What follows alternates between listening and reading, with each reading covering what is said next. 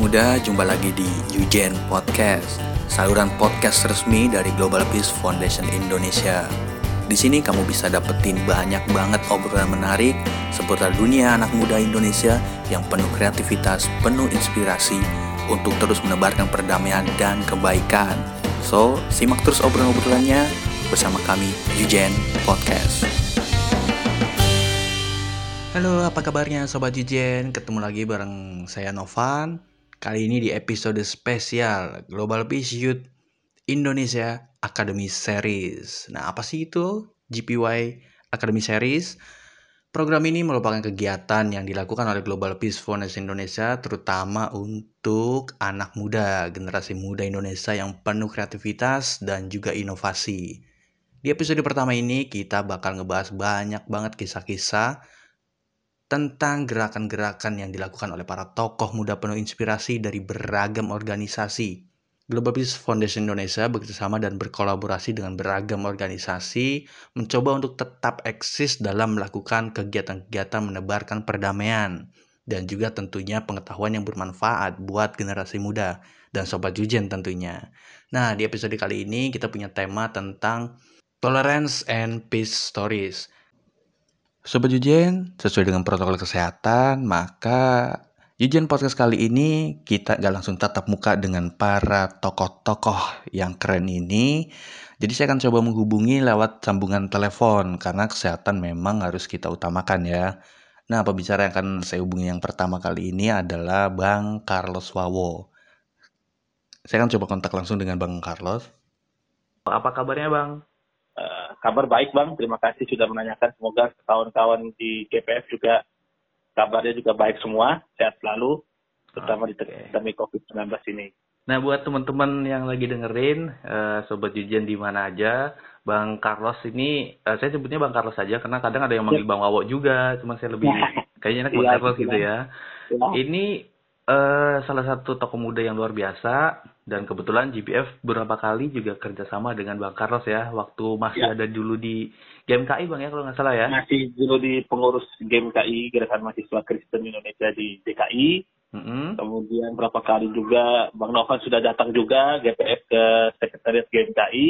Mm-hmm. Kemudian juga sekarang sampai saya menjabat sebagai Direktur Rumah Milenial Indonesia DKI Jakarta. Jadi sudah panjang lah. Sudah beberapa kali juga dan juga Bang Novan juga beberapa kali juga apa bekerja sama dengan GPF lah kami. Oke, okay, mantap sekali. Jadi sobat Jujian juga perlu tahu uh, di GPF sendiri dulu emang ada beberapa kegiatan, terutama melibatkan lintas uh, iman, lintas latar belakang semuanya kumpul dan salah satunya adalah Bang Carlos yang sangat aktif. Jadi kalau di mana-mana ya. biasanya ketemu Bang Carlos nih. siap, siap. Nah, uh, kita mau ngulik Bang dulu uh, asli mana Bang ini Bang? Saya kalau asli saya dari Nusa Tenggara Timur, mm -hmm. uh, tepatnya di Pulau Flores, ayah dari Kabupaten Nagiteo, uh, ibu dari Kabupaten Manggarai.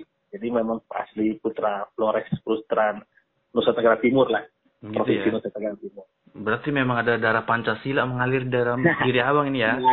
Oke, Kalau sudah itu dari dulu lah. Saya sudah kalau pulang kampung itu terhitung empat kali lah pulang kampung ke Empat kali ya. itu dalam umur nih. Dalam sampai sekarang. Sampai sekarang kan. Begitu. Jadi di episode Yujen yang kali ini dengan tema beragama dalam damai dan keberagaman nih Bang, kita pengen hmm. ngulik sih kisah-kisah terutama mungkin dari Bang Carlos nih.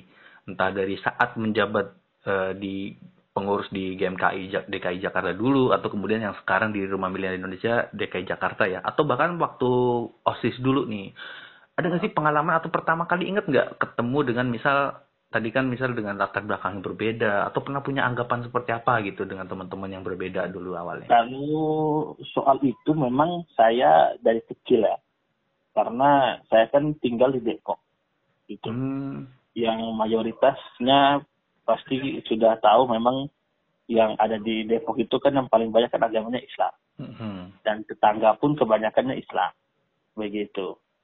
Nah, cuma saya pun juga ketika masuk dalam lingkungan itu, ayah, ibu itu sudah bilang ya itu tetangga kita gitu.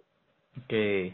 Nah, begitu. Jadi kalaupun kita misalnya berbeda karena permasalahan agama, ya kita saling menghormati aja. Jadi sampai sekarang pun juga ketika di rumah sudah dipupuk oleh orang ayah ibu, jadi ya biasa-biasa saja lah begitu. Nah, jadi jangan terlalu kemudian kita kita misalnya mau ada kegiatan ini kita kita minta izin ke tetangga dan sebagainya. Dan Begitu. itu itu dari dulu memang sudah terbangun ya artinya uh, gitu. dan sebenarnya fine fine aja dari dulu gitu ya. Fine fine aja. Kerukunan seperti itu memang sebenarnya sudah nah, ada. Itu kan masih kecil, masih oh. di awal. Oke. Okay. Gitu. Atau ada pengalaman yang unik nih, maksudnya yang yang akhirnya bikin Bang Carlos kemudian uh, maksudnya ada dalam diri, oke okay, gue harus ikut uh, gerakan untuk membina perdamaian atau kerukunan ya. beragama nih gitu.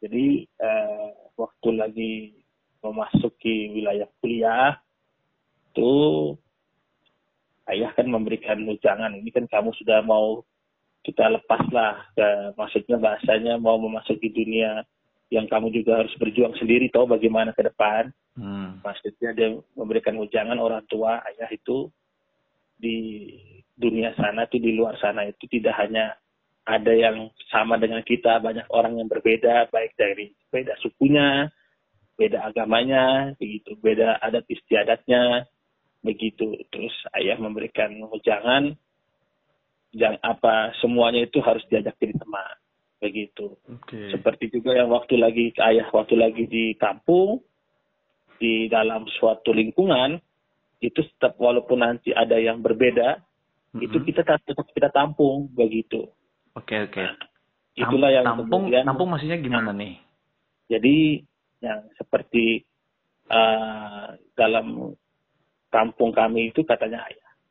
Itu kan banyak tuh yang mayoritasnya kalau di Flores ini kan Katolik. Oke. Okay. Cuma di dalam satu kampung itu pasti akan ada yang Islam.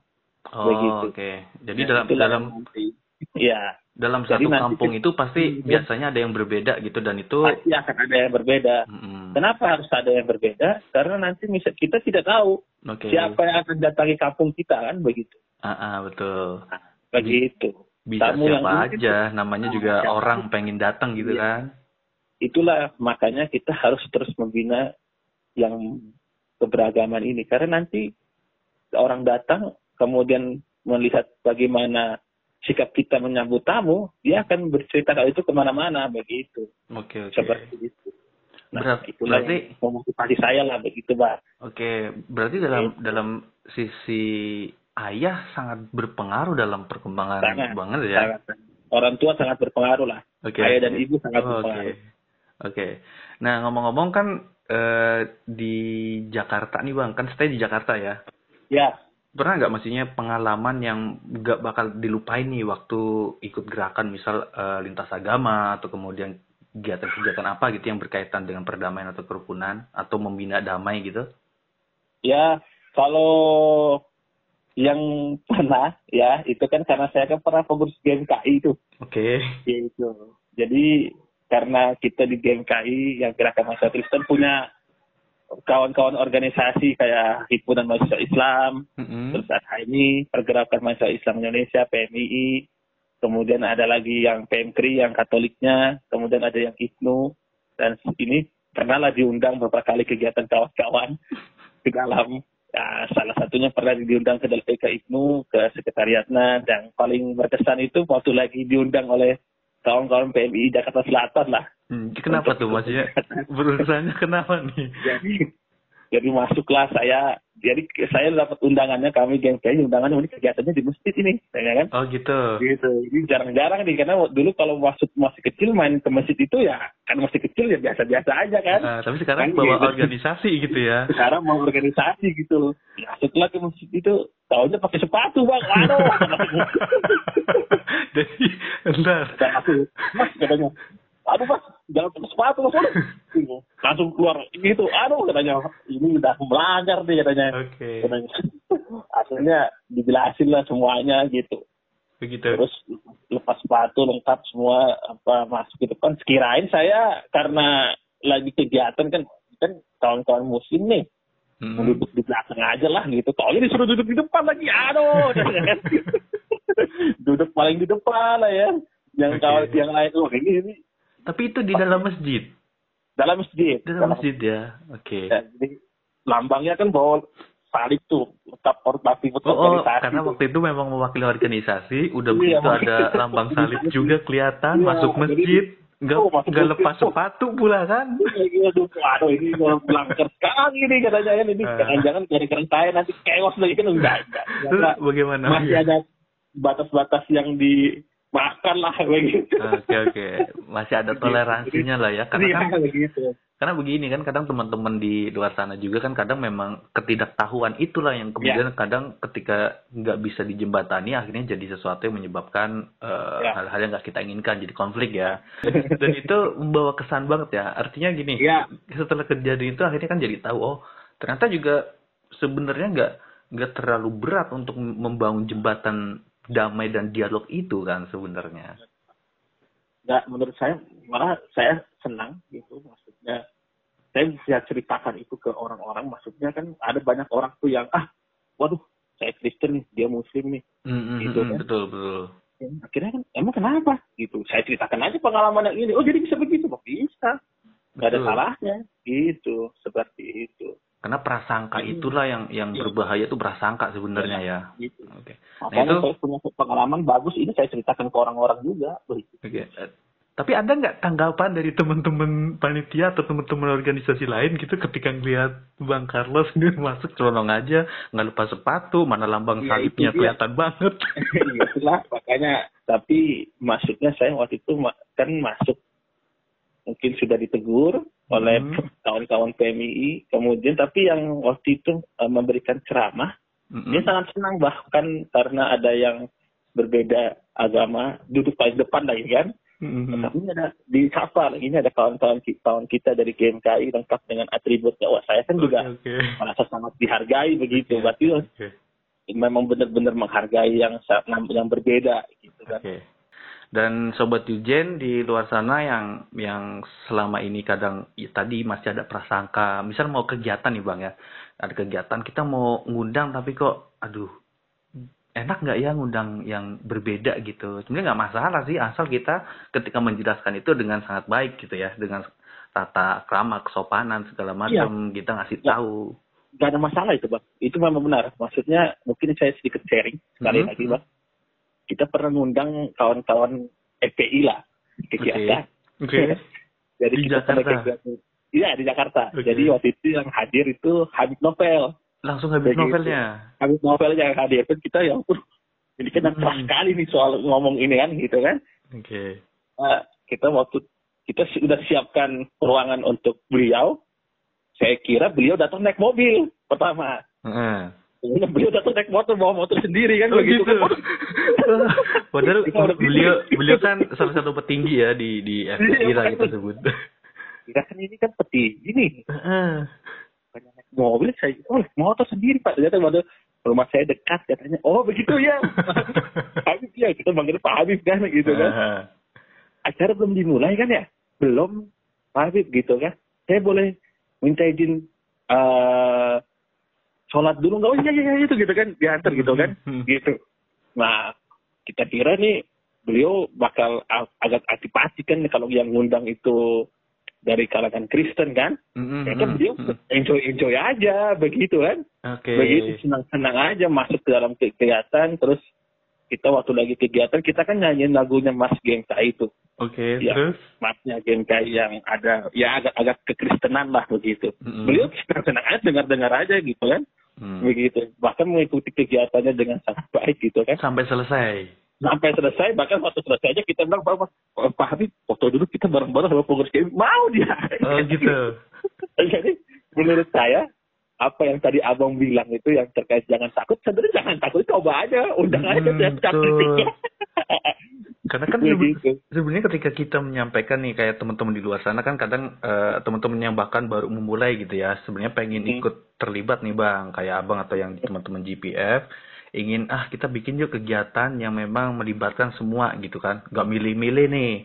Ya, ya. undang aja sampaikan sesuatu undang dengan aja, baik gitu ya. aja. kalau memang baik saya rasa mereka pasti akan merespon dengan baik. Oke, okay.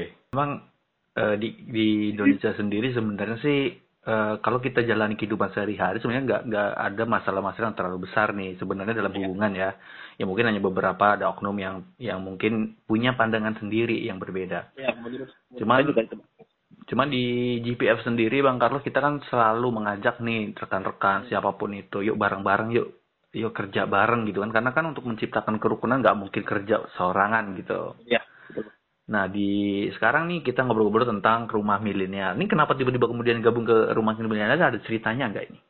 Jadi begini bang, uh, kita kan sudah selesai di pengurus GMKI, bang. Hmm. Itu abang kan pernah ketemu sama uh, bang Sahat ya, oh, iya, iya. pimpinannya. Jadi bang Sahat itu kemudian ngumpulin kita nih. Jadi dia bilang kita mau hmm. kita apa? Saya punya gagasan untuk kemudian ngumpulin kawan-kawan nggak hanya dari karena kita kan backgroundnya game kayak waktu itu mm-hmm. atau saya kita ngumpulin dari yang luar-luar lah begitu maksudnya kita yang dari berbeda agama berbeda suku gitu kan ini kan kita kan kalau yang kayak itu kan paling kalau nggak yang bermarga Batak mm-hmm. kalau nggak wilayah timur kan begitu yeah, yeah, cari yeah, yeah. yang lain kayak gitu kan kawan-kawan kita yang bisa supaya dalam ngomongin soal terkait dengan isu-isu kebangsaan ini kita bisa bicara apa secara gamblang secara secara terbuka begitu loh kalau kita yang ngomong ini eh, itu Batak mulu nih kan gitu kan uh, makanya lebih, lebih inklusif oleh ya bang, oleh bang Sahat itu rumah milenial terlepas okay. dari kita dulu GMKI kita dulu HMI kita dulu ini gitu, gabunglah okay. semua oleh Sahat begitu itu yang satu awalnya tapi bentuk sih masih masih baru-baru lah kalau dibandingkan sama GPF kita masih jauh lah. ya, tapi tapi untuk untuk rumah milenial Indonesia nih sendiri kan abang kan ketua umum di apa di DKI Jakarta ya. Ya. Itu tadi kan bilang kalau ini bisa berisi dari teman-teman yang nggak hanya ya dulu alumni GMKI gitu kan ya. Ya gitu. Berarti yang misal nih ada teman-teman Buddha, Hindu, Islam itu mau gabung bisa nggak? Bisa, bisa. Gitu. Malah kita lagi nyari sebenarnya. Oh. gitu. Nah, Jadi kalau kok beneran ya, nih kan? Sekaligus aja lah podcast ini kan kita bilang. itu membuka okay, lowongan, jadi... bukan kan membuka kawan-kawan yang mau tertarik bergabung kan begitu kan. Oke, okay, jadi sobat Yujen, terutama yang ada di Jakarta nih, yang ada di hmm. Jakarta bisa uh, melipir sejenak nih. Ada akun Instagramnya bang ya? Ada, ada. Nah, mungkin bisa kepoin dulu akun Instagramnya di mana bang? Rumah Milenial uh, rumah at uh, rumah milenial at id at Jakarta. Oke. Okay. Dot dot dot at lagi dot id dot Jakarta. Dot id dot Jakarta. Nah, oh, berarti itu yang chapter Jakartanya ya. Akun Instagramnya rumah milenial yang keseluruhan, uh -huh. yang yang rumah milenial ID, terus ada juga rumah milenial ID Jakarta. Oke okay, oke. Okay. Ya dan kita di GPF Indonesia juga ada beberapa chapter Bang Carlos. Kita dari ya. uh, ujung timur ke ujung barat kita ada semua sampai ya mudah-mudahan nanti sobat Jujian yang ada di Palangkaraya, di Makassar, ada di Surabaya, semuanya bisa kolaborasi baik ya. dengan rumah milenial maupun dengan organisasi lainnya ya. Dan kita pasti selalu terbuka gitu dan jangan ya. jangan takut untuk coba hubungin gitu kan karena belum apa-apa udah takut. Begitu, ada dia. ada pesan pesan khusus nggak buat teman-teman sobat Jujian yang dengerin podcast ini? Uh, kalau saya sih yang pertama bang, ya itu maksudnya jangan takutlah tadi sudah benar yang dibilang oleh Bang uh, Novan bahwa jangan takutlah untuk bergaul dengan yang berbeda agama dengan yang berbeda suku gitu. Karena hidup ini kan kita nggak sendiri begitu.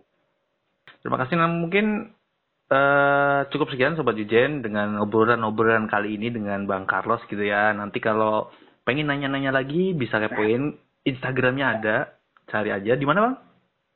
Saya kalau Instagramnya saya at Carlos Pawo. Mm-hmm. Kalau Instagramnya Rumah Milenial itu at Rumah Milenial ID. Terus ada lagi Instagramnya Rumah Milenial Jakarta ada okay. at Rumah Milenial.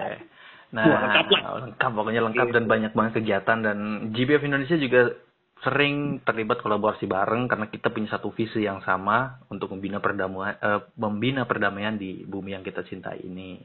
Nah, terima kasih banyak Bang Wawo, Bang Carlos. Aduh, ya. saya jadi belibet ngomongnya Bang Wawo, Bang Carlos. terima kasih juga buat Bang Novan dan juga buat kawan-kawan GPF Indonesia. Semoga terus bisa berkarya dan juga saya juga mau mengucapkan selamat juga untuk ulang tahunnya GPF. Mungkin sudah beberapa waktu lewat. Oke, okay, betul. Uh, terus digaungkan karena sudah satu dekade. Betul sekali. Melayani terima kasih banyak. Dan juga sudah berkontribusi terkait juga menjaga keberagaman ini GPF ini sangat hebat sekali. Oke, terima kasih Bang. Salam buat teman-teman teman-teman di semuanya. rumah milenial juga. Salam buat ketum ya. sahat juga. Oke. Ya, terima kasih. Ya, mari ya. Bang. Nah, Sobat Jijen, tokoh berikutnya yang bakal saya hubungin ini juga salah satu tokoh yang keren banget pastinya. Ada Mas Khairul Huda dari Digdasmen Muhammadiyah. Kali ini saya sudah terhubung dengan Mas Huda dari tim Majelis Digdasmen PP Muhammadiyah Pusat. Apa kabarnya Mas Huda? Alhamdulillah Mas Novan dan teman-teman semua di tengah pandemi alhamdulillah ini masih sehat-sehat deh. Semoga juga teman-teman sehat semua ya. Nah, di Sobat Jujen mungkin banyak yang belum tahu nih siapa sih Mas Huda ini. Kayak kalau saya kan pernah ketemu nih Mas ya. Pernah ngobrol-ngobrol. Ya, beberapa kali dulu kita dalam satu forum. Iya betul. Jadi mungkin bisa Mas Huda ceritain dulu uh, sekarang posisi atau apa yang dilakuin Mas Huda nih sebenarnya sih biar Sobat Jujen di seluruh Indonesia tahu apa kesibukannya juga. Silakan Mas. Ya, uh, makasih Mas Novan dan tentu teman-teman yang berbahagia semua di mana pun berada. Jadi nama saya Muhammad Khairul Huda. Uh, saat ini saya uh, adalah wakil sekretaris di Majelis Tigasmen Pimpinan Pusat Muhammadiyah. Jadi kami di Majelis Tigasmen itu kurang lebih membawahi uh, 6.000 sekolah di tingkat dasar, menengah, dan atas. Uh, dan juga berkolaborasi dengan Aisyah di TK dan PAUD. Jadi kalau di total kita di saya mendampingi untuk 30-an ribu unit oh. sekolah ya, mulai dari TK sampai uh, tentu Muhammadiyah ya. Kemudian saat ini juga lagi tadi di Universitas Negeri Jakarta ngambil doktor di uh, Basic Education. Terus kemarin untuk aktivitas yang lain sih ya beberapa waktu lalu sempat terlibat juga di uh, status Presiden bidang keagamaan internasional waktu itu dengan bareng Bu ini dan saat ini ya sedang ya belajar sambil ya sambil di majelis dan tentu menyelesaikan disertasi. Oke, mantep, mantep banget. Nah, Sobat Jiji untuk denger sendiri emang luar biasa tokoh muda ini sangat menginspirasi juga buat kita semua. Nah, oke, nah Mas kalau di Dikdesmen sendiri kan tadi kan bawa tiga puluh ribuan gitu ya di sekolah gitu. Ya, ya. Pastinya bakal sibuk banget. Nah, ada nggak sih kegiatan-kegiatan terutama buat yang berhubungan dengan lintas agama nih, terutama buat anak-anak hmm. muda yang yang tadi tuh mungkin kan tadi dari Pak Ud pasti banyak sekali pengalaman yang berkaitan dengan itu, Mas. Ya, ya betul. Salah satu apa namanya ya salah satu misi pendiri kita kayak Dahlan dulu itu kan mm -hmm. Itu salah satu misinya itu uh, menggembirakan Islam gitu ya. Jadi beragama itu dengan dengan gembira gitu. Maka uh, ada istilah keidahan itu yang apa namanya uh, yang beragama dengan gembira gitu. Lalu kemudian uh, pada perkembangannya kemudian ada istilah Islam yang berkemajuan.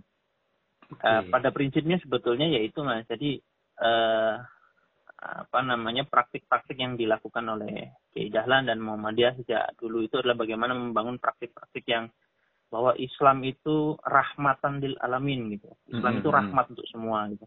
Maka kalau Mas Novan nggak jangan kaget kalau di beberapa wilayah di Indonesia itu kayak misal di Kupang ada satu sekolah Muhammadiyah yang 90% itu siswanya Nasrani. Oh, oh gitu. Di Kupang okay. ya. Kemudian di Kalimantan Barat itu ada juga satu sekolahan yang SMA itu 50% siswanya itu Nasrani. Dan di wilayah Seruni di Yapen untuk pegunungan Yapen itu mm-hmm. bahkan mm -hmm. di sana ada kampung Muhammadiyah yang di situ ada beberapa sekolah yang hampir 100% siswanya itu Nasrani, tapi gurunya ya guru Islam karena guru-guru Muhammadiyah gitu. Oke. Okay. Jadi itu, itu menarik banget sih, Mas. Betapa jadi malah sampai ada istilah yang populer gitu, dipopulerkan tahun 2009 oleh Mas Abdul Mukti, Prof yang barusan profesor beberapa waktu lalu itu ada istilahnya Kristen Muhammadiyah gitu. Oke, oke. Okay, okay. Jadi uh, bagaimana uh, uh, Islam gitu khususnya kita secara umum yang mayoritas di negeri ini berdampingan secara intensif bahkan di lembaga pendidikan gitu. tidak hanya di masyarakat tapi di lembaga pendidikan karena mas prakteknya uh, karena uh, di lingkungan yang homogen kadang-kadang apa namanya sensitivitas dan apa namanya ya kepedulian kita terhadap hal itu kan yang yang sifatnya toleransi dan seterusnya itu kan kurang. Karena kita tidak terbiasa gitu. Sejak lahir kita ya hidup berdampingan dengan orang yang sama dengan mm -hmm, tradisi betul. yang sama kultur yang sama. Saya kira itu akan membentuk pola hidup yang yang juga nanti ketika dewasa akan mempengaruhi pola pikirnya. Nah di banyak tempat Muhammadiyah mendorong itu gitu bahkan kemarin yang viral itu di di Madiun itu TK nih mas TK Asia mm -hmm. kita adakan kunjungan rutin gitu. Jadi sejak dini kita memperkenalkan nih. Jadi dari TK Asia berkunjung ke TK Penabur gitu. Bahwa okay. ada yang berbeda tuh. Oh itu ternyata kulitnya beda keyakinannya beda. Kemudian apa namanya tidak berjilbab gitu. Sehingga kemudian sejak dini itu sudah sudah sudah ngerti gitu bahwa wah kita itu ya binika tunggal ika jadi praktik-praktik nyata gitu tidak hanya secara teori di banyak tempat kita lakukan itu. Jadi kita banyak praktik-praktik baik untuk untuk untuk hal itu, terutama di wilayah-wilayah yang mayoritas Nasrani. Menarik juga karena kan kadang uh, masih ada anggapan-anggapan atau stigma atau bahkan prasangka gitu ya kalau Muhammadiyah mah begini begini atau begitu gitu. Dan ya, ini juga betul. ini juga yang kemudian sobat Yuja ini juga perlu tahu nih di podcast ini ternyata bahkan sekolah Muhammadiyah muridnya non Islam ada hmm, begitu mayoritas gitu mayoritas bahkan. bahkan dan mungkin uh, dalam kegiatan-kegiatan Mas Suda sendiri nih di di luar hmm. konteks Muhammadiyah gitu ya ketika mungkin berorganisasi atau punya pengalaman nggak yang yang berkesan banget nih sampai akhirnya kemudian oh Islam itu atau Muhammadiyah sendiri harus membuka diri atau kemudian saya harus membuka diri nih karena memang ya kita diciptakan beragam begini gitu ada nggak iya, pengalaman yeah, yeah. gitu? Uh, ada mas, jadi pengalaman lebih ke personal sebetulnya mm -hmm. sebelum ke komunitas nanti yang itu kemudian membuat saya berpikir dan kawan-kawan di komunitas tidak hanya di Muhammadiyah tapi di komunitas lain untuk kita penting nih untuk membangun satu apa dialog atau apalah yang lain gitu.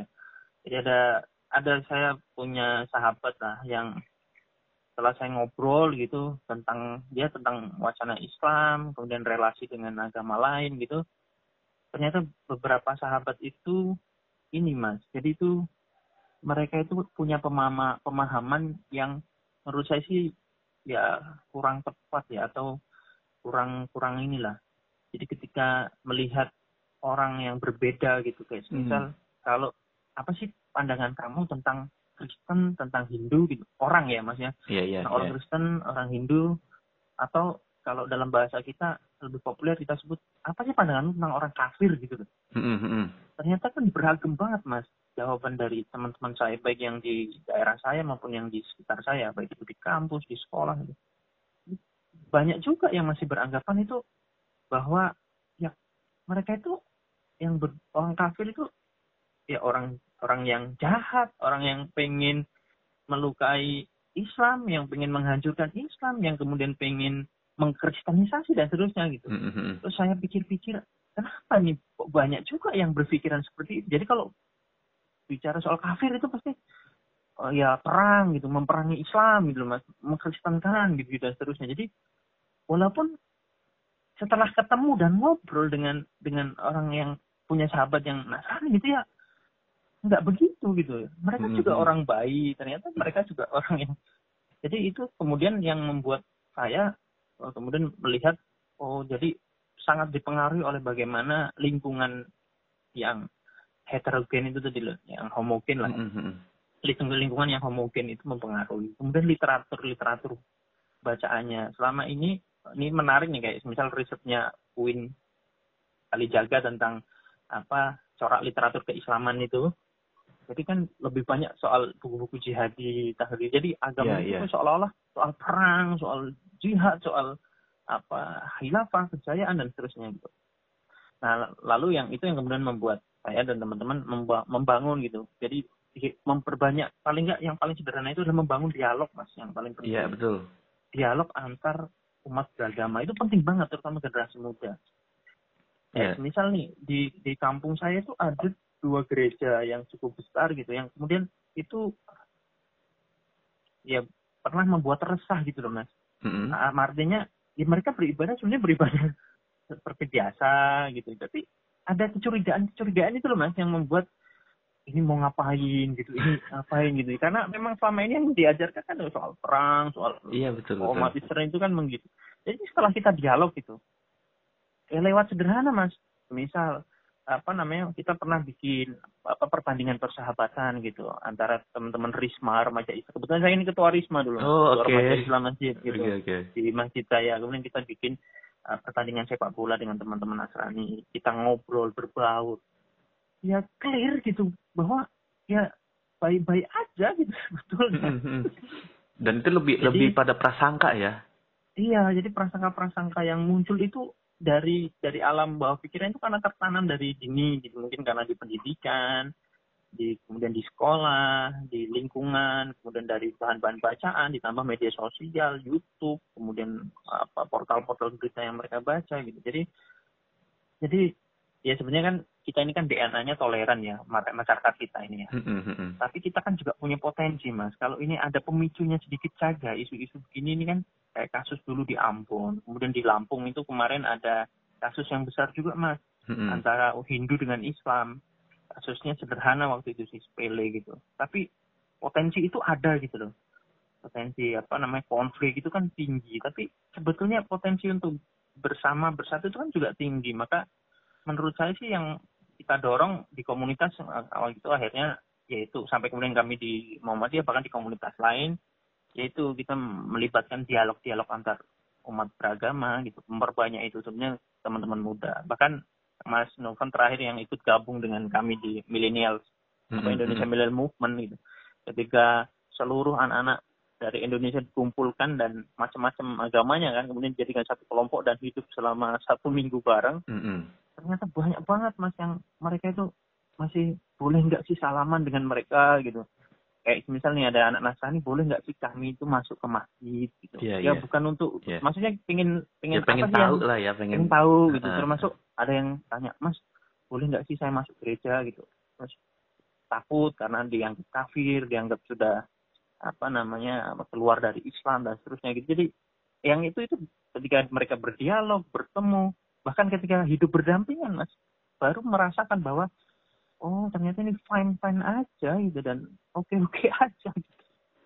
ya dan dan nah, emang yang kemudian kita lakukan dengan memperbanyak dialog forum-forum komunikasi dan seterusnya.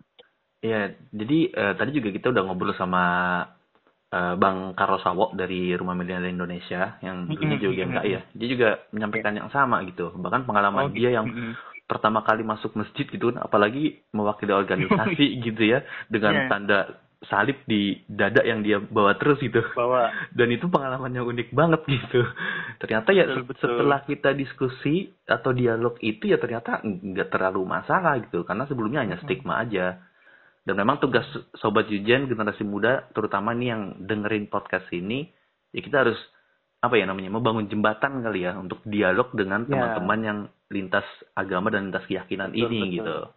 Dan tentunya di Muhammadiyah juga membuka ruang untuk kolaborasi mas ya.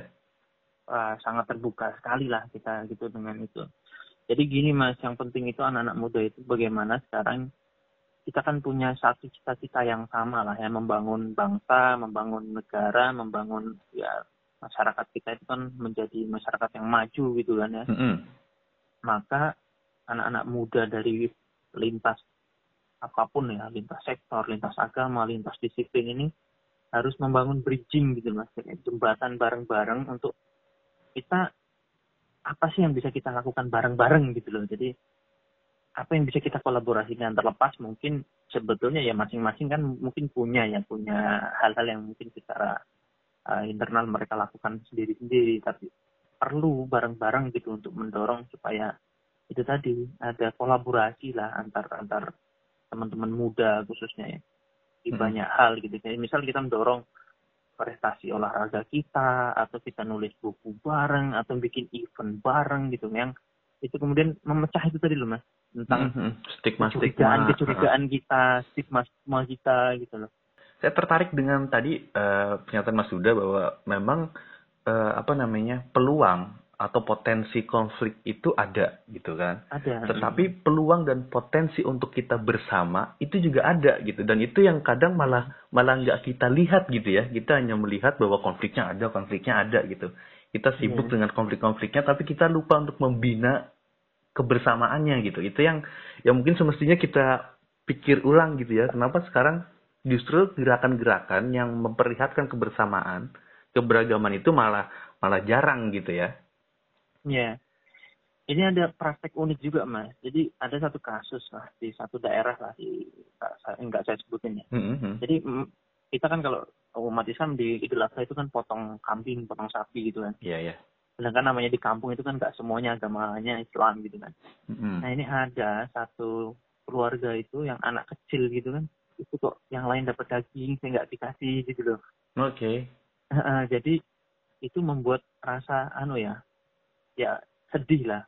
Anak kecil kan belum paham ya. Nah, maka terus di di tempat saya itu prakteknya malah unik gitu. Jadi bahkan mereka yang Nasrani itu secara sukarela membantu untuk motong. Motong okay, okay.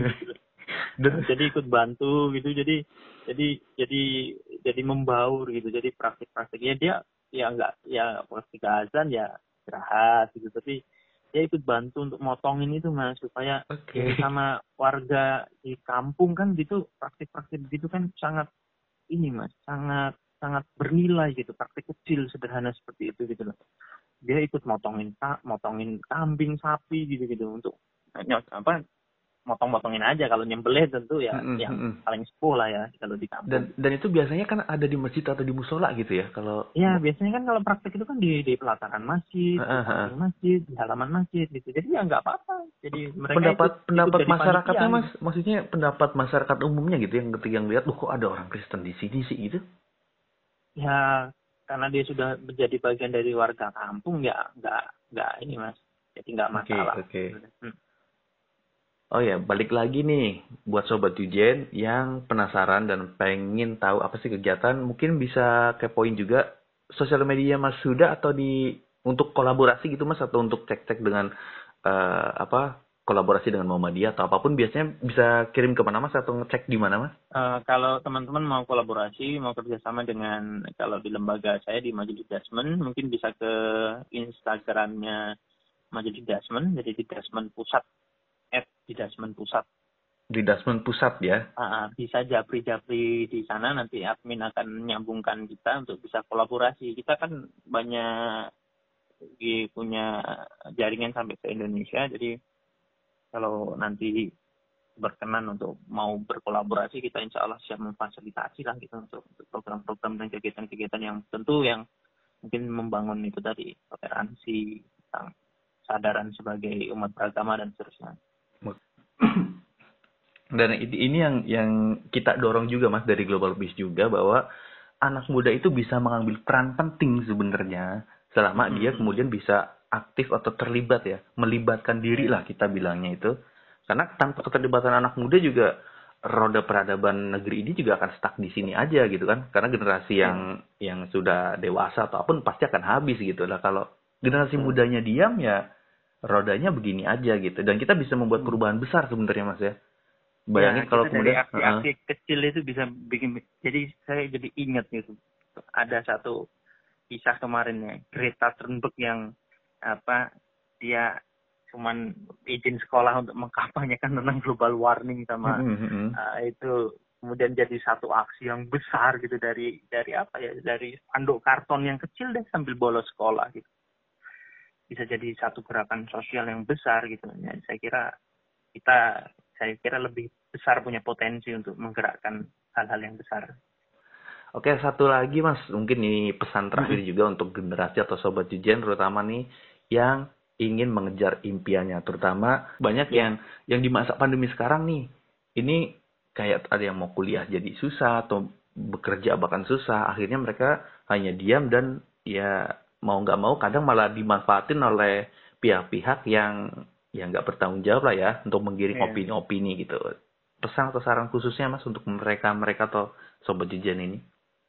Uh, kalau untuk teman-teman muda, teman-teman pelajar, saya kira bisa untuk anu memanfaatkan itu mumpung di rumah nih karena mungkin belajar juga terbatas memanfaatkan apa ya kan kita semua punya cita-cita nih ya dan cita-cita itu kan nggak bisa diraih secara pragmatis ya secara tiba-tiba gitu ya. Tiba-tiba kita jadi misalnya mau mau dapat beasiswa Fulbright atau beasiswa luar negeri gitu kan atau tiba-tiba bisa dapat apa gitu.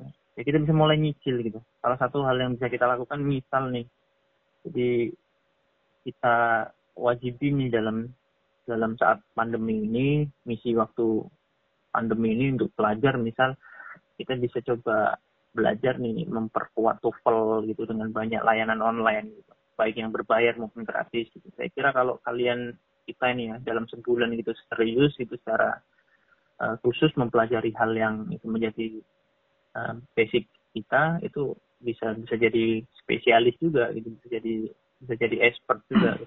Oke, terima kasih banyak Mas Huda dari tim Majelis Dikdasmen PP Muhammadiyah Pusat. Uh, ya. Udah bisa bergabung dengan Jujen Podcast. Mudah-mudahan obrolan singkat kita ini bisa memberi manfaat yang luar biasa buat generasi muda Indonesia. siapa, ya. gerakan perdamaian hanya milik kaum laki-laki saja. Sobat Jujen, pembicara berikutnya yang akan saya hubungin ini adalah salah satu tokoh perempuan muda dari Nadatul Ulama. Kak Nurul, beliau adalah ketum IPPNU. Oke, coba hubungi ya. Selamat malam Kak Nurul. Halo, selamat malam. Selamat malam. Makasih banget udah ngeluangin waktunya buat Sobat Jujen semua.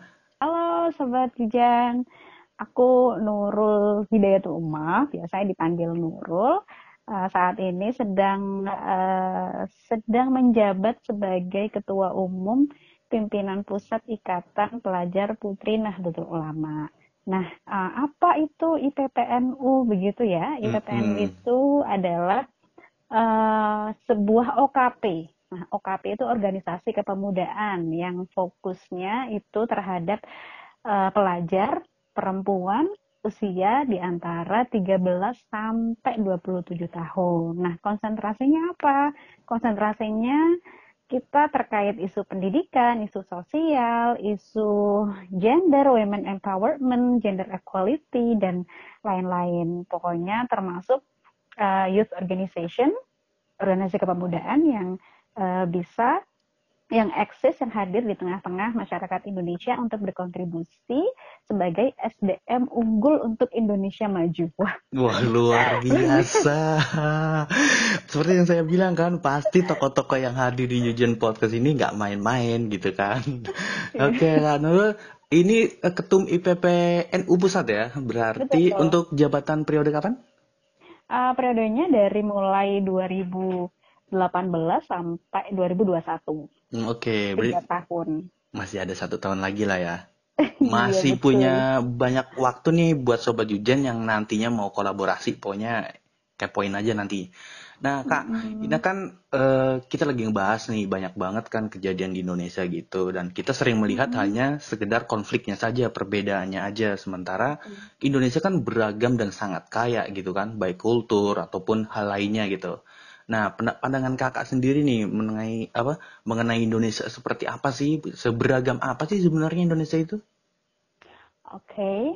uh, eh, gini ya di Indonesia ini kita patut bersyukur dan uh, berbangga ter terhadap banyak sekali pahlawan-pahlawan founding fathers kita yang telah merumuskan nilai-nilai Pancasila, Bhinneka Tunggal Ika dan lain-lain. Tapi yang sekarang harus perlu difahami adalah terkait diversity atau perbedaan. Nah di Indonesia ini sangat uh, ragam perbedaan itu sangat banyak sekali dari, dari baik dari agama, dari culture atau budaya, kemudian dari apa ya hal-hal lain, ethnicity dan lain-lain. Dan ini patut kita bersyukur ya dan berbangga. Tidak uh, adanya perbedaan tidak untuk uh, perpecahan. Adanya perbedaan itu justru untuk menyatukan kita dari Sabang sampai Merauke, berbeda-beda suku, berbeda-beda bahasa, tapi memang eh, kita adalah satu. Itu sudah sangat diterapkan di Bhinneka Tunggal Ika yang dahulu sudah di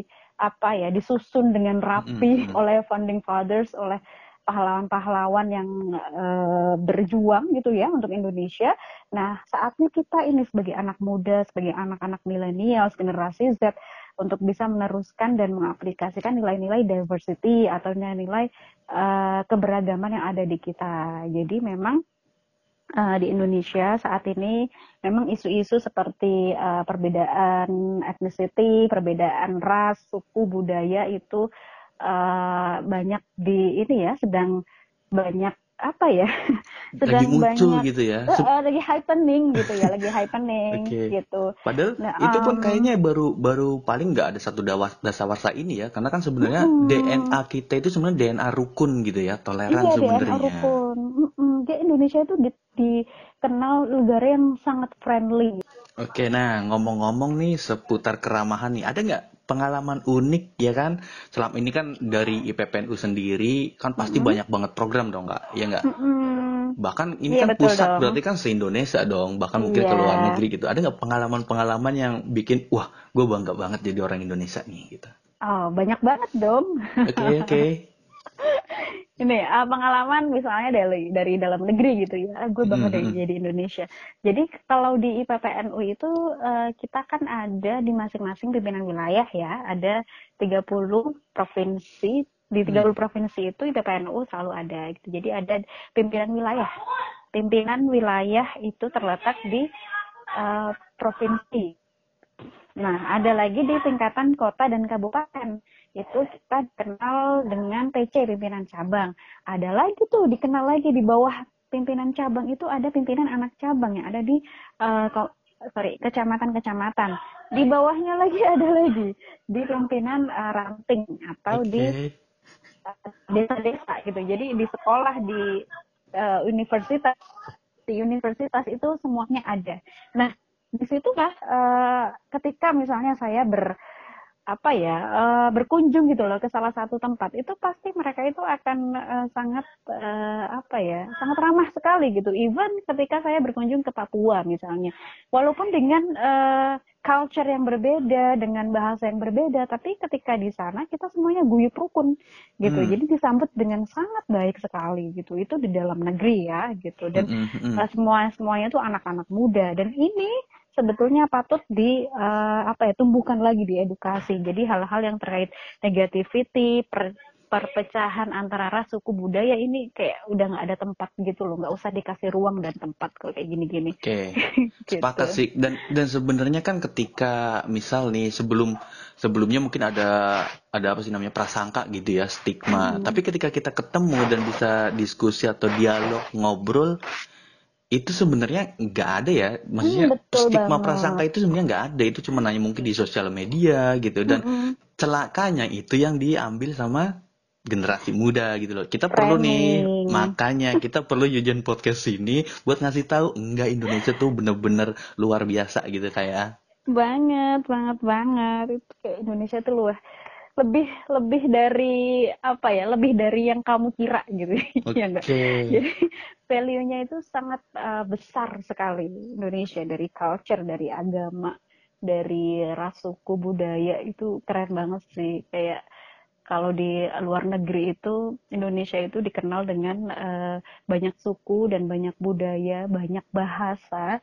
yang uh, gini ya ketika ketika saya di London misalnya mm -hmm. waktu studi di sana.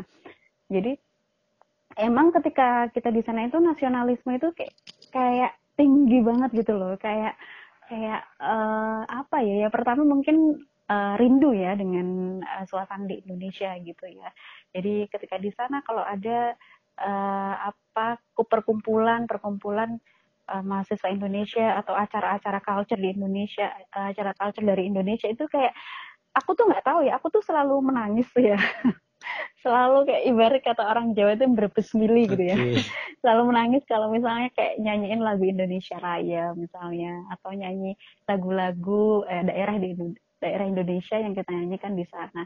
Ya even aku waktu di sini di Indonesia pun kalau misalnya nyanyi soal lagu national anthem gitu kayak uh, lagu kebangsaan gitu itu pasti kayak uh, ini nangis gitu loh. Kayak Ada karena sangat dada sangat kayak bergetar gitu ya eh, kayak bergetar gitu. Karena sangat sayangnya sama Indonesia sangat cintanya gitu. Dan oke. terus kita langsung kebayang kayak dulu pahlawan-pahlawan itu dengan uh, jiwa dan raganya berkorban loh tumpah darah untuk Indonesia menjadi Nusantara yang seperti ini yang kita Mm-mm, mm-mm. tinggali seperti ini gitu. Oke, nah sebelum tadi kan kakak cerita nih sempet juga ternyata kuliah di London ya. Nah, Hmm. boleh ngulik dikit nggak? Sebenarnya kakak ini dari mana nih asalnya nih? Oh iya, dari mana ya? Aku tuh dari desa atau pencil. Aku tuh orang Oke. kampung sebenarnya. Di Jawa atau di? Lamongan, Jawa Oh, di. Lamongan ya, Jawa Timur ya. Hmm, iya. Nah, itu di Lamongan sendiri kan mungkin ada ya eh, akulturasi budaya dan kemudian ada ada perpaduan antara misal eh, latar belakang A, B dan C gitu ya. Itu Hmm, terlihat banget gak?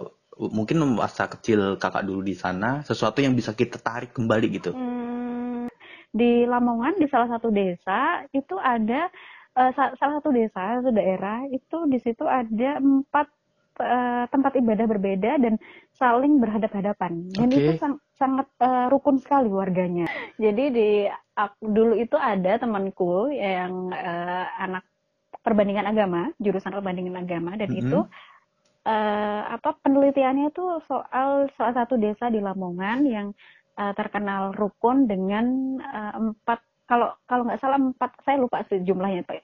Yang pastinya itu ada beberapa eh, tempat ibadah eh, dengan agama yang berbeda di satu tempat gitu di satu desa Di- dan di saling desa apa gitu, berhadap-hadapan. Aku lupa ya Oh desanya gitu, oke. apa gitu. Nah, itu jadi tugas Lupa sobat. Yujen deh, pokoknya nyari daerah Saya Lamongan nyari gitu aja ya. di Lamongan, kayaknya ada di Google. Oke, Kayaknya oke. udah keluar deh Oke. gitu jadi aku dia jadi dia tuh minta anter gitu loh sama aku waktu itu jadi kayak sama-sama lagi nyelesain skripsi gitu jadi garap skripsi nah itu tuh kayak dulu tuh aku tuh belum begitu aware ya soal uh, toleransi soal diversity dan lain-lain. Jadi kayak ya udahlah ikut-ikutan aja. Tapi kok lama kelamaan ini keren banget sih. Jadi gereja di depan masjid di sampingnya ada vihara di sampingnya lagi ada kelenteng gitu. Kayak ini sumpah keren banget sih gitu. Mhm. Aku waktu itu ya yang masih uh, awam banget dan masih belum aware gitu loh terhadap diversity itu udah kayak udah kayak wah udah kayak kayak miss gitu loh. Udah kayak mengagumi banget wah gila ya bisa ya ini hidup berdampingan seperti ini. Nah ketika itu ada sesi wawancara nih sama satu, satu pemuka agama di sana. Saat itu ada dua kalau nggak salah dari Mhm. agama Islam sama dari uh, pendetanya gitu satu.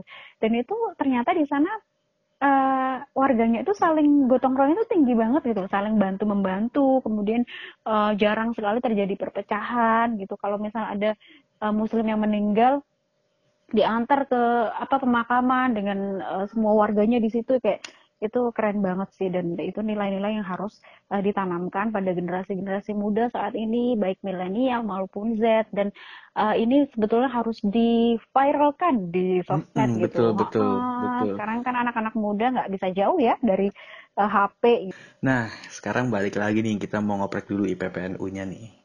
boleh. Nah, selama kakak menjabat atau bahkan sebelum ya, karena kan pastinya sudah terlibat di dalamnya dong di organisasi itu Mm-mm. sendiri ya. Eh, Mm-mm. kegiatan yang terkait toleransi nih yang menurut Kak Nurul sendiri nggak- apa eh, jadi pengalaman yang sangat luar biasa yang kemudian akhirnya ah gua harus terus ngelanjutin ini. Itu apa Kak? Mm-mm. Hmm, pengalaman. Nah, pengalaman sih banyak banget ya. Kalau di PPNU kita itu punya berbagai macam event-event yang eh, sifatnya itu gathering, sifatnya itu perkumpulan gitu ya. Jadi eh, waktu tahun 2007 sorry 2019 pasca Pilpres Tahun itu ya, kemarin ya, baru tahun 2019 ya kemarin ya. tahun kemarin 2008 Mhm. 2019 itu pasca pilpres itu kan eh, ini ya serangan-serangan head Ya, eh, ten- tensinya head tinggi speech, banget tuh, panas eh, banget tensinya tinggi head speech kemudian eh, hoax news terus eh, sosial media ini kayak udah nggak sehat banget lah sosial media buka sosmed itu kayak Mm. aduh males banget ini apa sih berita berita yang kubu sana kubu sini gitu gitu gitu tuh kayak udah toxic banget gitu loh di apa di Mm-mm, pikiran betul, betul. seperti itu nah karena eh, dari apa ya dari eh, keadaan ricuh yang seperti itu akhirnya di pimpinan pusat PPNU pasca pilpres itu kami mengadakan event eh, yang bisa dibilang besar saat itu uh, trending juga di Twitter. Wah, apa nih? Di, uh, eventnya Nusantara Millennial Summit. Oke. Okay. Gitu. Uh, jadi kita mengumpulkan uh, waktu itu ribuan pelajar-pelajar uh, di Indonesia kita kumpulkan di Jakarta di uh, daerah uh, Jakarta pokoknya Jakarta Pusat waktu itu kita kumpulkan untuk uh, campaign perdamaian gitu. Jadi hashtagnya Indonesia Damai saat itu. Mm-hmm. dan itu ramai udah itu trending Waduh. tiga di Twitter gitu luar biasa, saat itu. luar biasa. Mm-hmm, karena kita uh, apa ya me, apa merespon hal-hal yang sangat toksik di sosial media. Saat itu kita mengundang banyak sekali tokoh-tokoh yang hadir. Ada Mbak Alisa Wahid hadir saat itu Marcella Zalianti Olga Lydia kemudian Adi MS pun hadir. Terus uh, apa ya banyak banyak sekali dan uh, ini memberikan apa ya insight sangat positif terhadap uh, pelajar-pelajar anak-anak muda di Indonesia ini untuk bisa apa ya eh, rekonsiliasi lah istilahnya ke mana tuh rekonsiliasi pasca pilpres. Oke, nah selanjutnya nih kak, menurut kakak sendiri nih kan uh, peran perempuan terutama ya peran ter perempuan muda terutama nih di kalangan mm -hmm. pelajar segala macam semestinya bagaimana sih? Apakah kemudian uh, ya duduk diam aja melihat situasi, tengok kanan tengok kiri, atau mereka seharusnya terlibat aktif gitu? Hmm. Oke, kalau menurut kakak sendiri gimana? Nah, nah ditanya, ditanya balik, balik ya. Kalau saya pribadi sih seperti tadi bilang, kita kan warga okay. Indonesia ya, kita cinta mm. negeri ini. Negeri mm. ini kan nggak hanya milik yang kaum laki-lakinya gitu, mm. dan perempuan juga sangat berjasa di dalam membangun negeri ini nah, kan. Nah, Jadi ini jangan yang... rebahan diem aja dong. Nah, ini nih yang uh, kita harapkan uh, jawaban dari uh, laki-laki ya kan.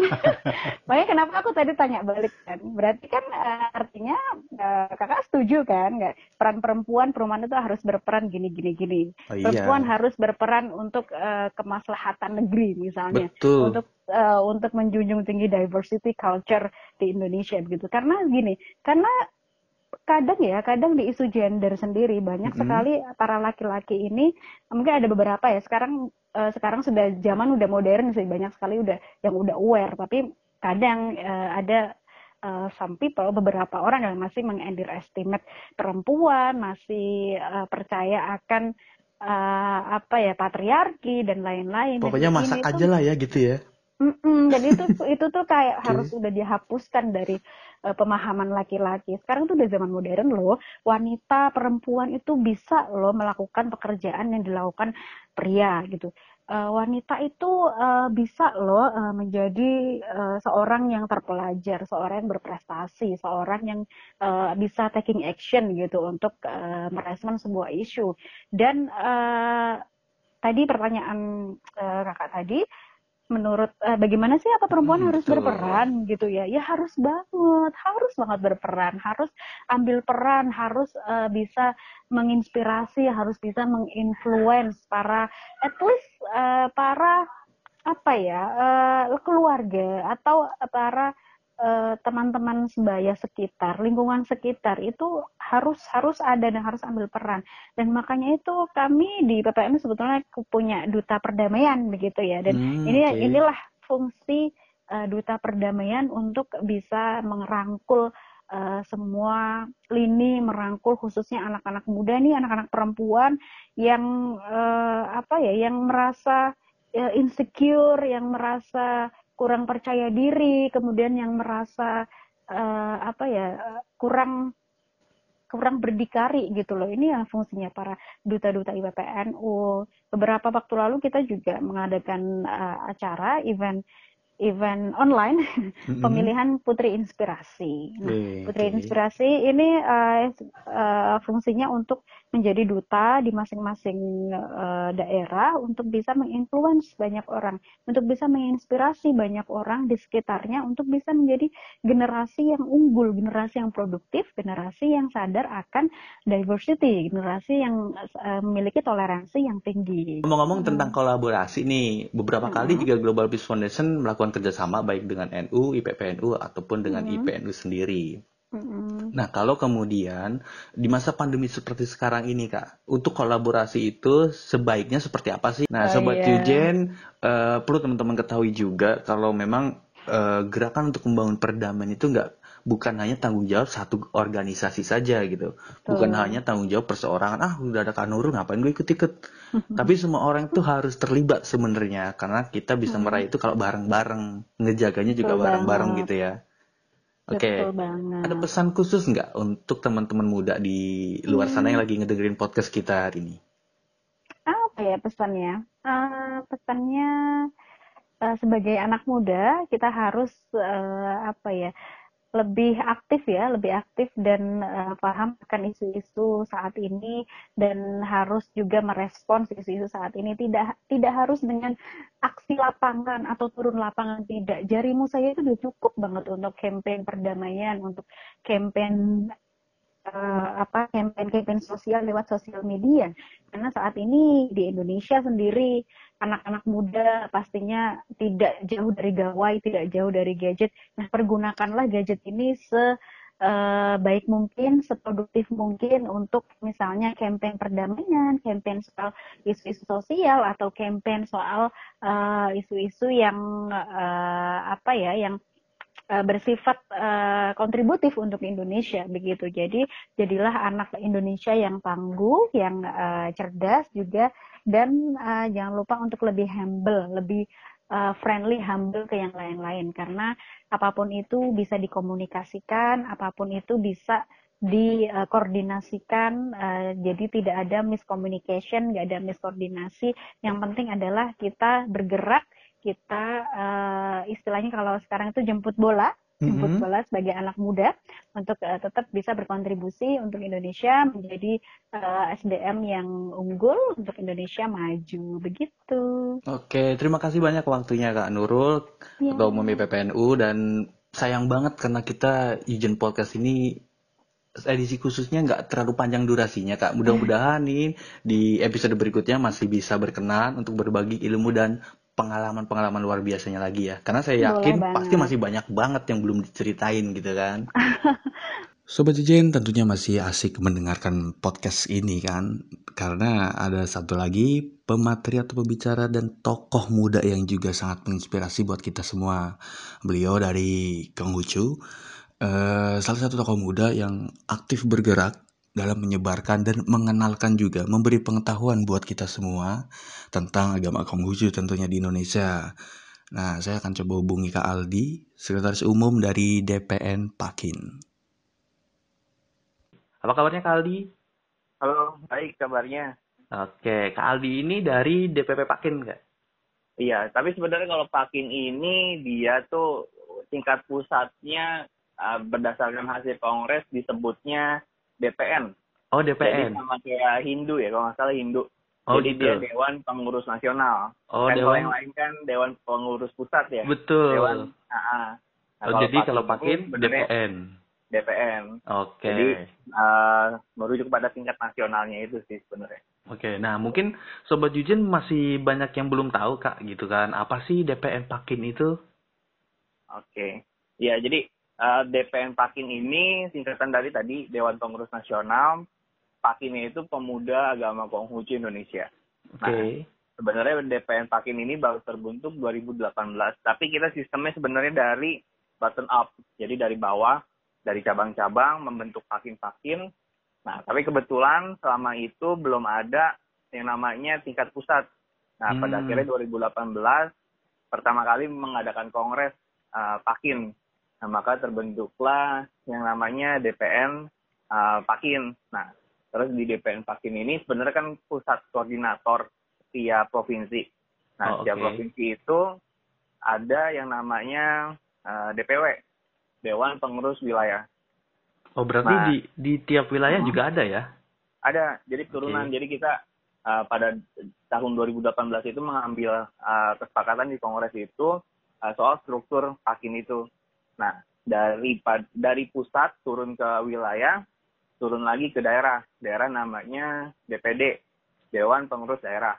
Nah, terus ada juga yang terakhir itu DPC. DPC itu Dewan Pengurus Cabang. Cabang ini dimaksudnya uh, ketika ada beberapa pakin di cabang di kecamatan, nah itu akan dibentuk namanya pusat koordinasi. Nah itu akan dihandle sama DPC wilayah itu. Oh, Jadi tingkat okay. ke kota atau kabupaten dihandle sama nah, tadi DPD Dewan Pengurus Berarti Daerah. emang dari pusat sampai ke dasar banget, sampai ke benar-benar di lapisan masyarakat semuanya ada gitu ya? Iya. Oke. Nah untuk DPP Pakin sendiri ini, itu kan ya. meskipun baru dua tahun kan sebenarnya eh dua tahun ya karena 2018 ya kongres itu ya. Dua tahun. Tapi kan untuk kegiatannya sebenarnya udah udah sejak dulu dong, iya nggak kak? Betul betul. Uh, Nah, kita mau mau ngorek dikit nih, karena kan kita kaitannya pengen berbagi cerita gimana sih ya. masing-masing organisasi ini, terutama yang berkaitan dengan anak mudanya nih.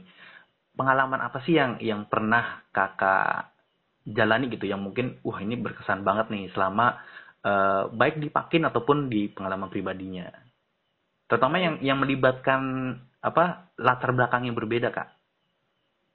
Oke. Okay Iya, jadi kalau di Pakin sendiri kan memang banyak kegiatan lintas iman ya. Mm-hmm. Dalam aspek ya misalkan uh, waktu kemarin itu ada kayak misalkan Pakin kerjasama dengan komunitas um, hutan itu Indonesia yang di mana dia lebih ke uh, pencit apa namanya pencinta alam kayak okay. misalkan kemarin kita bikin kerjasama program uh, lomba fotografi dalam aspek uh, bagaimana kita bisa menjawantakan dalam artian uh, kita memfoto tapi apa sih filosofi yang kita bisa ambil? Nah dari hasil foto itu? Dari hasil foto itu. Jadi ada makna kan. Okay. tiap objek itu kan uh, mereka kita minta untuk uh, memvisualisasikan objek apa yang kalian foto dan gambarkan apa perasaan kalian terhadap uh, objek itu yang difoto ada nggak hasil yang yang dari lomba itu atau dari foto-foto yang teman-teman kirim yang kemudian bikin Kaldi bisa bilang, oh ini sih keren banget, gitu? Iya, itu banyak sih. Ada di Instagramnya uh, DPN Pakin. Kalau okay. di Instagramnya kan Pakin Nasional. Nah di situ banyak yang bisa kita lihat. Dan itu uh, banyak yang berkesan untuk uh, saya pribadi terhadap ternyata pertama ini kualitas umat Konghucu yang menurut saya uh, ternyata selama ini um, kita bisa anggap banyak juga loh yang uh, hebat di dalam hal potret ya maksudnya mm-hmm. um, uh, talent-talent untuk jadi fotografer kayak gitu-gitu itu yang menurut saya suatu uh, potensi untuk yang bisa dikembangkan di wabah uh, apa yang di wadah uh, pemuda agama Konghucu ini ini kan mm-hmm. sebenarnya pakin itu kan sebe- uh, seperti wadah di mana menampung bakat-bakat uh, setiap pemuda untuk mengembangkan uh, potensinya kan. Nah, jadi ternyata banyak. Nah, itu bisa untuk dikembangkan uh, lagi potensinya dipakai. Nah, terus di dalam tulisannya juga banyak yang menarik terhadap pandangan dia, terus dikaitkan dengan ajaran agama Konghucu tentang okay. kayak misalkan menjaga alam, kayak misalkan contohnya menebang pohon pada waktunya. Nah itu salah satu ayat di dalam agama Konghucu yang uh, kalau kita terjemahkan uh, ketika memang uh, kita mau menjaga lingkungan hidup atau hutan lah ya contohnya. Nah, itu ketika memang pohon-pohon masih kecil, itu jangan sampai ditebang karena bisa menimbulkan apa namanya longsor atau segala macam. Tapi kalau memang pohon itu sudah waktunya ditebang dengan kondisi yang cukup, nah itu tidak masalah ditebang. Jadi ada ada semacam uh, kita sebagai manusia itu bagaimana bisa menjaga alam dengan jangan asal menebang doang, tapi kita harus tahu uh, buat menjaganya gitu buat ya. Buat menjaganya seperti apa gitu. Okay, itu nah, menarik. Nah, kalau yang berkaitan nih uh, misal nih Kaldi pernah kan yang yang saya tahu gitu ya, karena kan banyak terlibat kegiatan lintas agama juga tadi kan lintas keyakinan juga. Betul. Ada nggak uh, pengalaman misal oh saya pernah ke masjid atau saya pernah ke gereja, kemudian apa tanggapan Kaldi sendiri gitu? Iya. Sebenarnya kalau bicara tentang masuk ke tempat ibadah waktu itu juga ada yang namanya program wisata rumah ibadah. Nah itu uh, saya sendiri terlibat di dalam uh, panitianya ya, dalam artian waktu itu harus menemani anak-anak SMP gitu. Ini pakin juga ya?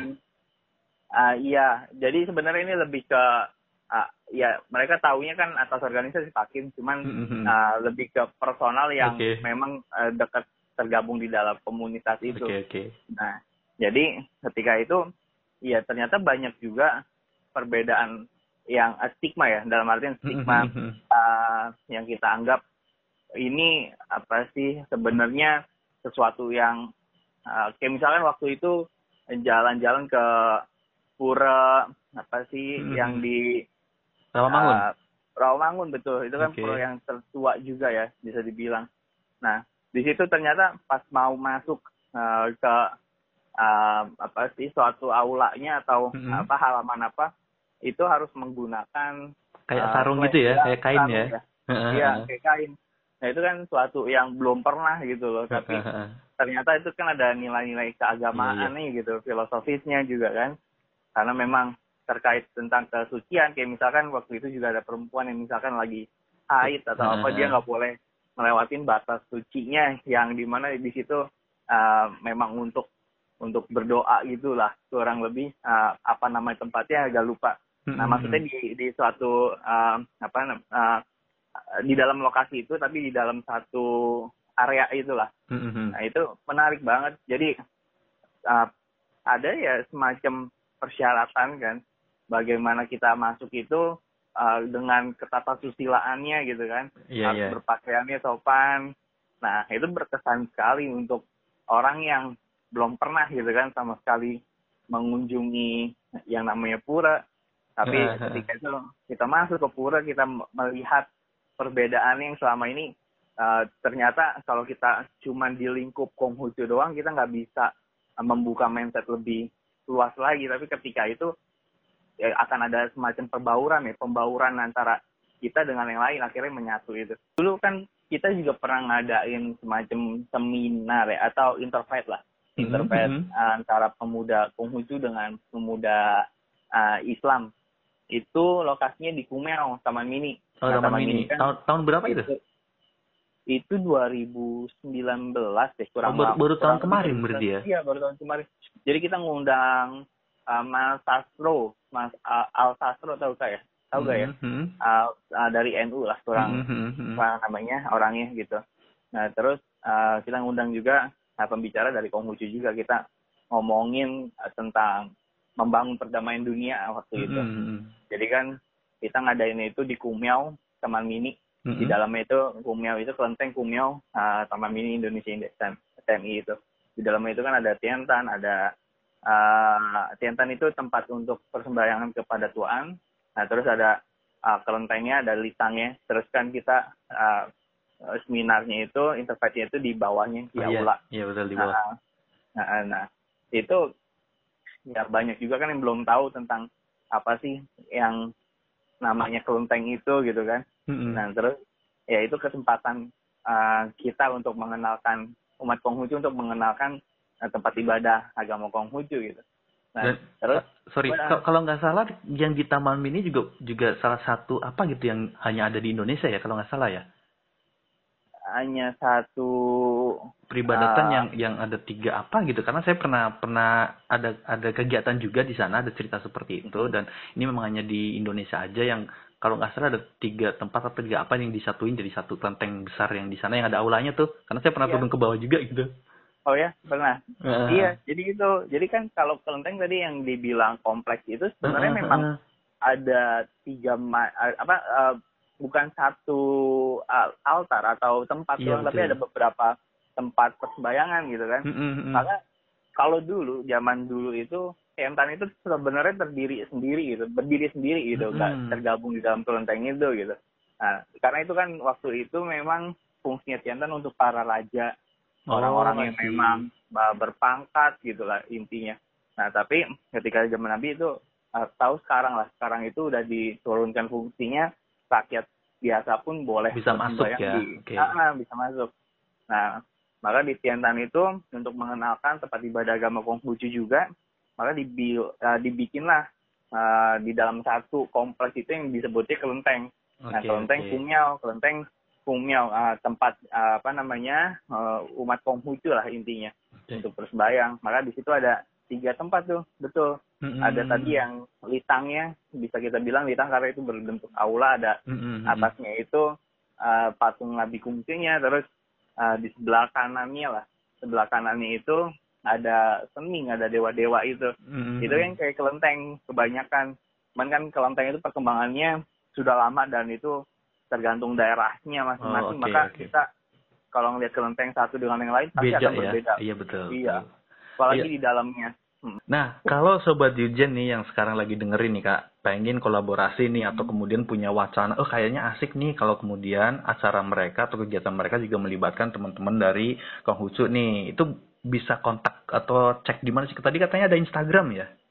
Iya, betul, ada Instagram. Okay. Nah, di alamatnya kalau, kalau Instagram organisasi sendiri kan itu ada akunnya namanya hmm? uh, Pakin Nasional. Pakin, Pakin Nasional. Nasional, iya. Pakin oh, Nasional. Gak ada, gak ada dot, gak ada apa ya, pokoknya Pakin Nasional ya. Pakin Nasional, iya betul. Pakin, -hmm. Coba, uh, kalau salah sih Pakin Nasional aja. Okay, Jadi okay. di situ nanti ketemu kok. Itu tapi nggak ada spasi ya. Jadi -hmm. Pakin Nasional, Pakin langsung digabung sama Nasional.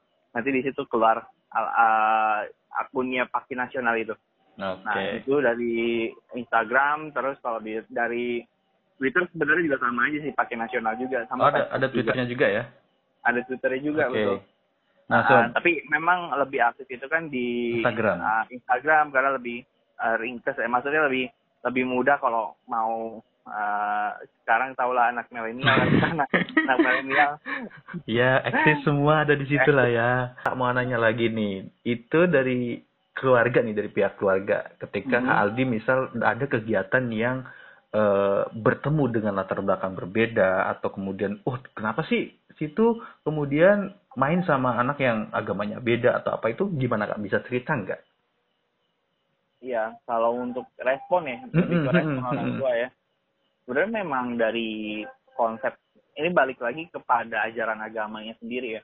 Nah kalau di Konghucu sendiri memang dia kan lebih mengajarkan tentang yang namanya memanusiakan manusia ya tanpa okay. mengenal itu agamanya apa gitu. Dari nilai agamisnya itu sendiri itu menjadikan suatu karakter di dalam uh, kehidupan keluarga sendiri gitu.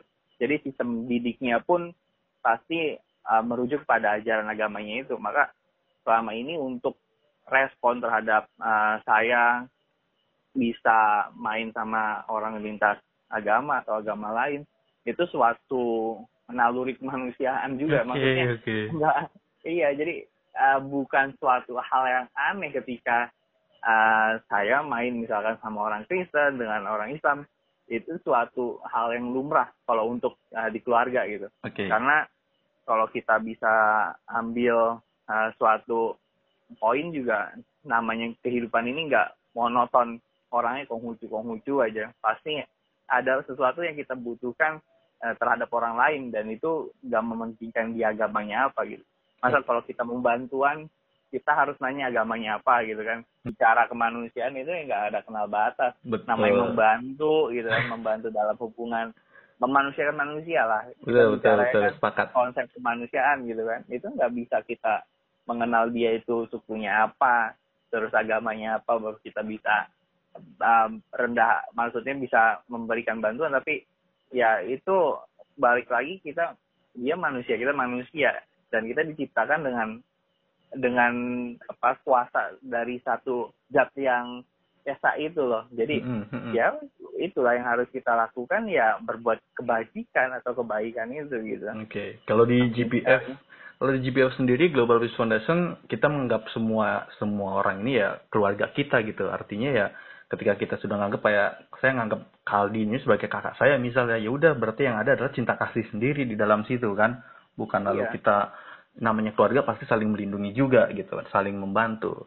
nah kak ada nggak sih pengalaman uh, pribadi nih ya yang karena kan kakak kan ikut berorganisasi ya karena kebanyakan ya. anak muda lainnya kan kadang memilih ah diam aja ah di rumah aja hmm. ngapain sih repot-repot capek-capek doang ada nggak pengalaman yang mendorong kakak kemudian oh enggak gue harus ikut organisasi ini gue harus ngelakuin sesuatu gitu apa yang mendorong kakak ngelakuin itu sih iya sebenarnya kan dari awal um, berkesimpungan di organisasi kan uh, kita melihat minimnya umat Konghucu aktif di dalam organisasi itu juga menjadi faktor bagaimana harusnya ya umat Konghucu itu ini kan di dalam hati juga bicara harusnya umat Konghucu itu maju kalau misalkan ada yang aktif di dalam hmm, berorganisasi hmm, hmm. kan itu juga akhirnya menjadi pertanyaan bagi diri sendiri akhirnya itu yang mendorong hmm, hmm, agar hmm. akhirnya berkecimpung di dunia organisasi dan awalnya itu memang ketika SD SMP itu kan banyak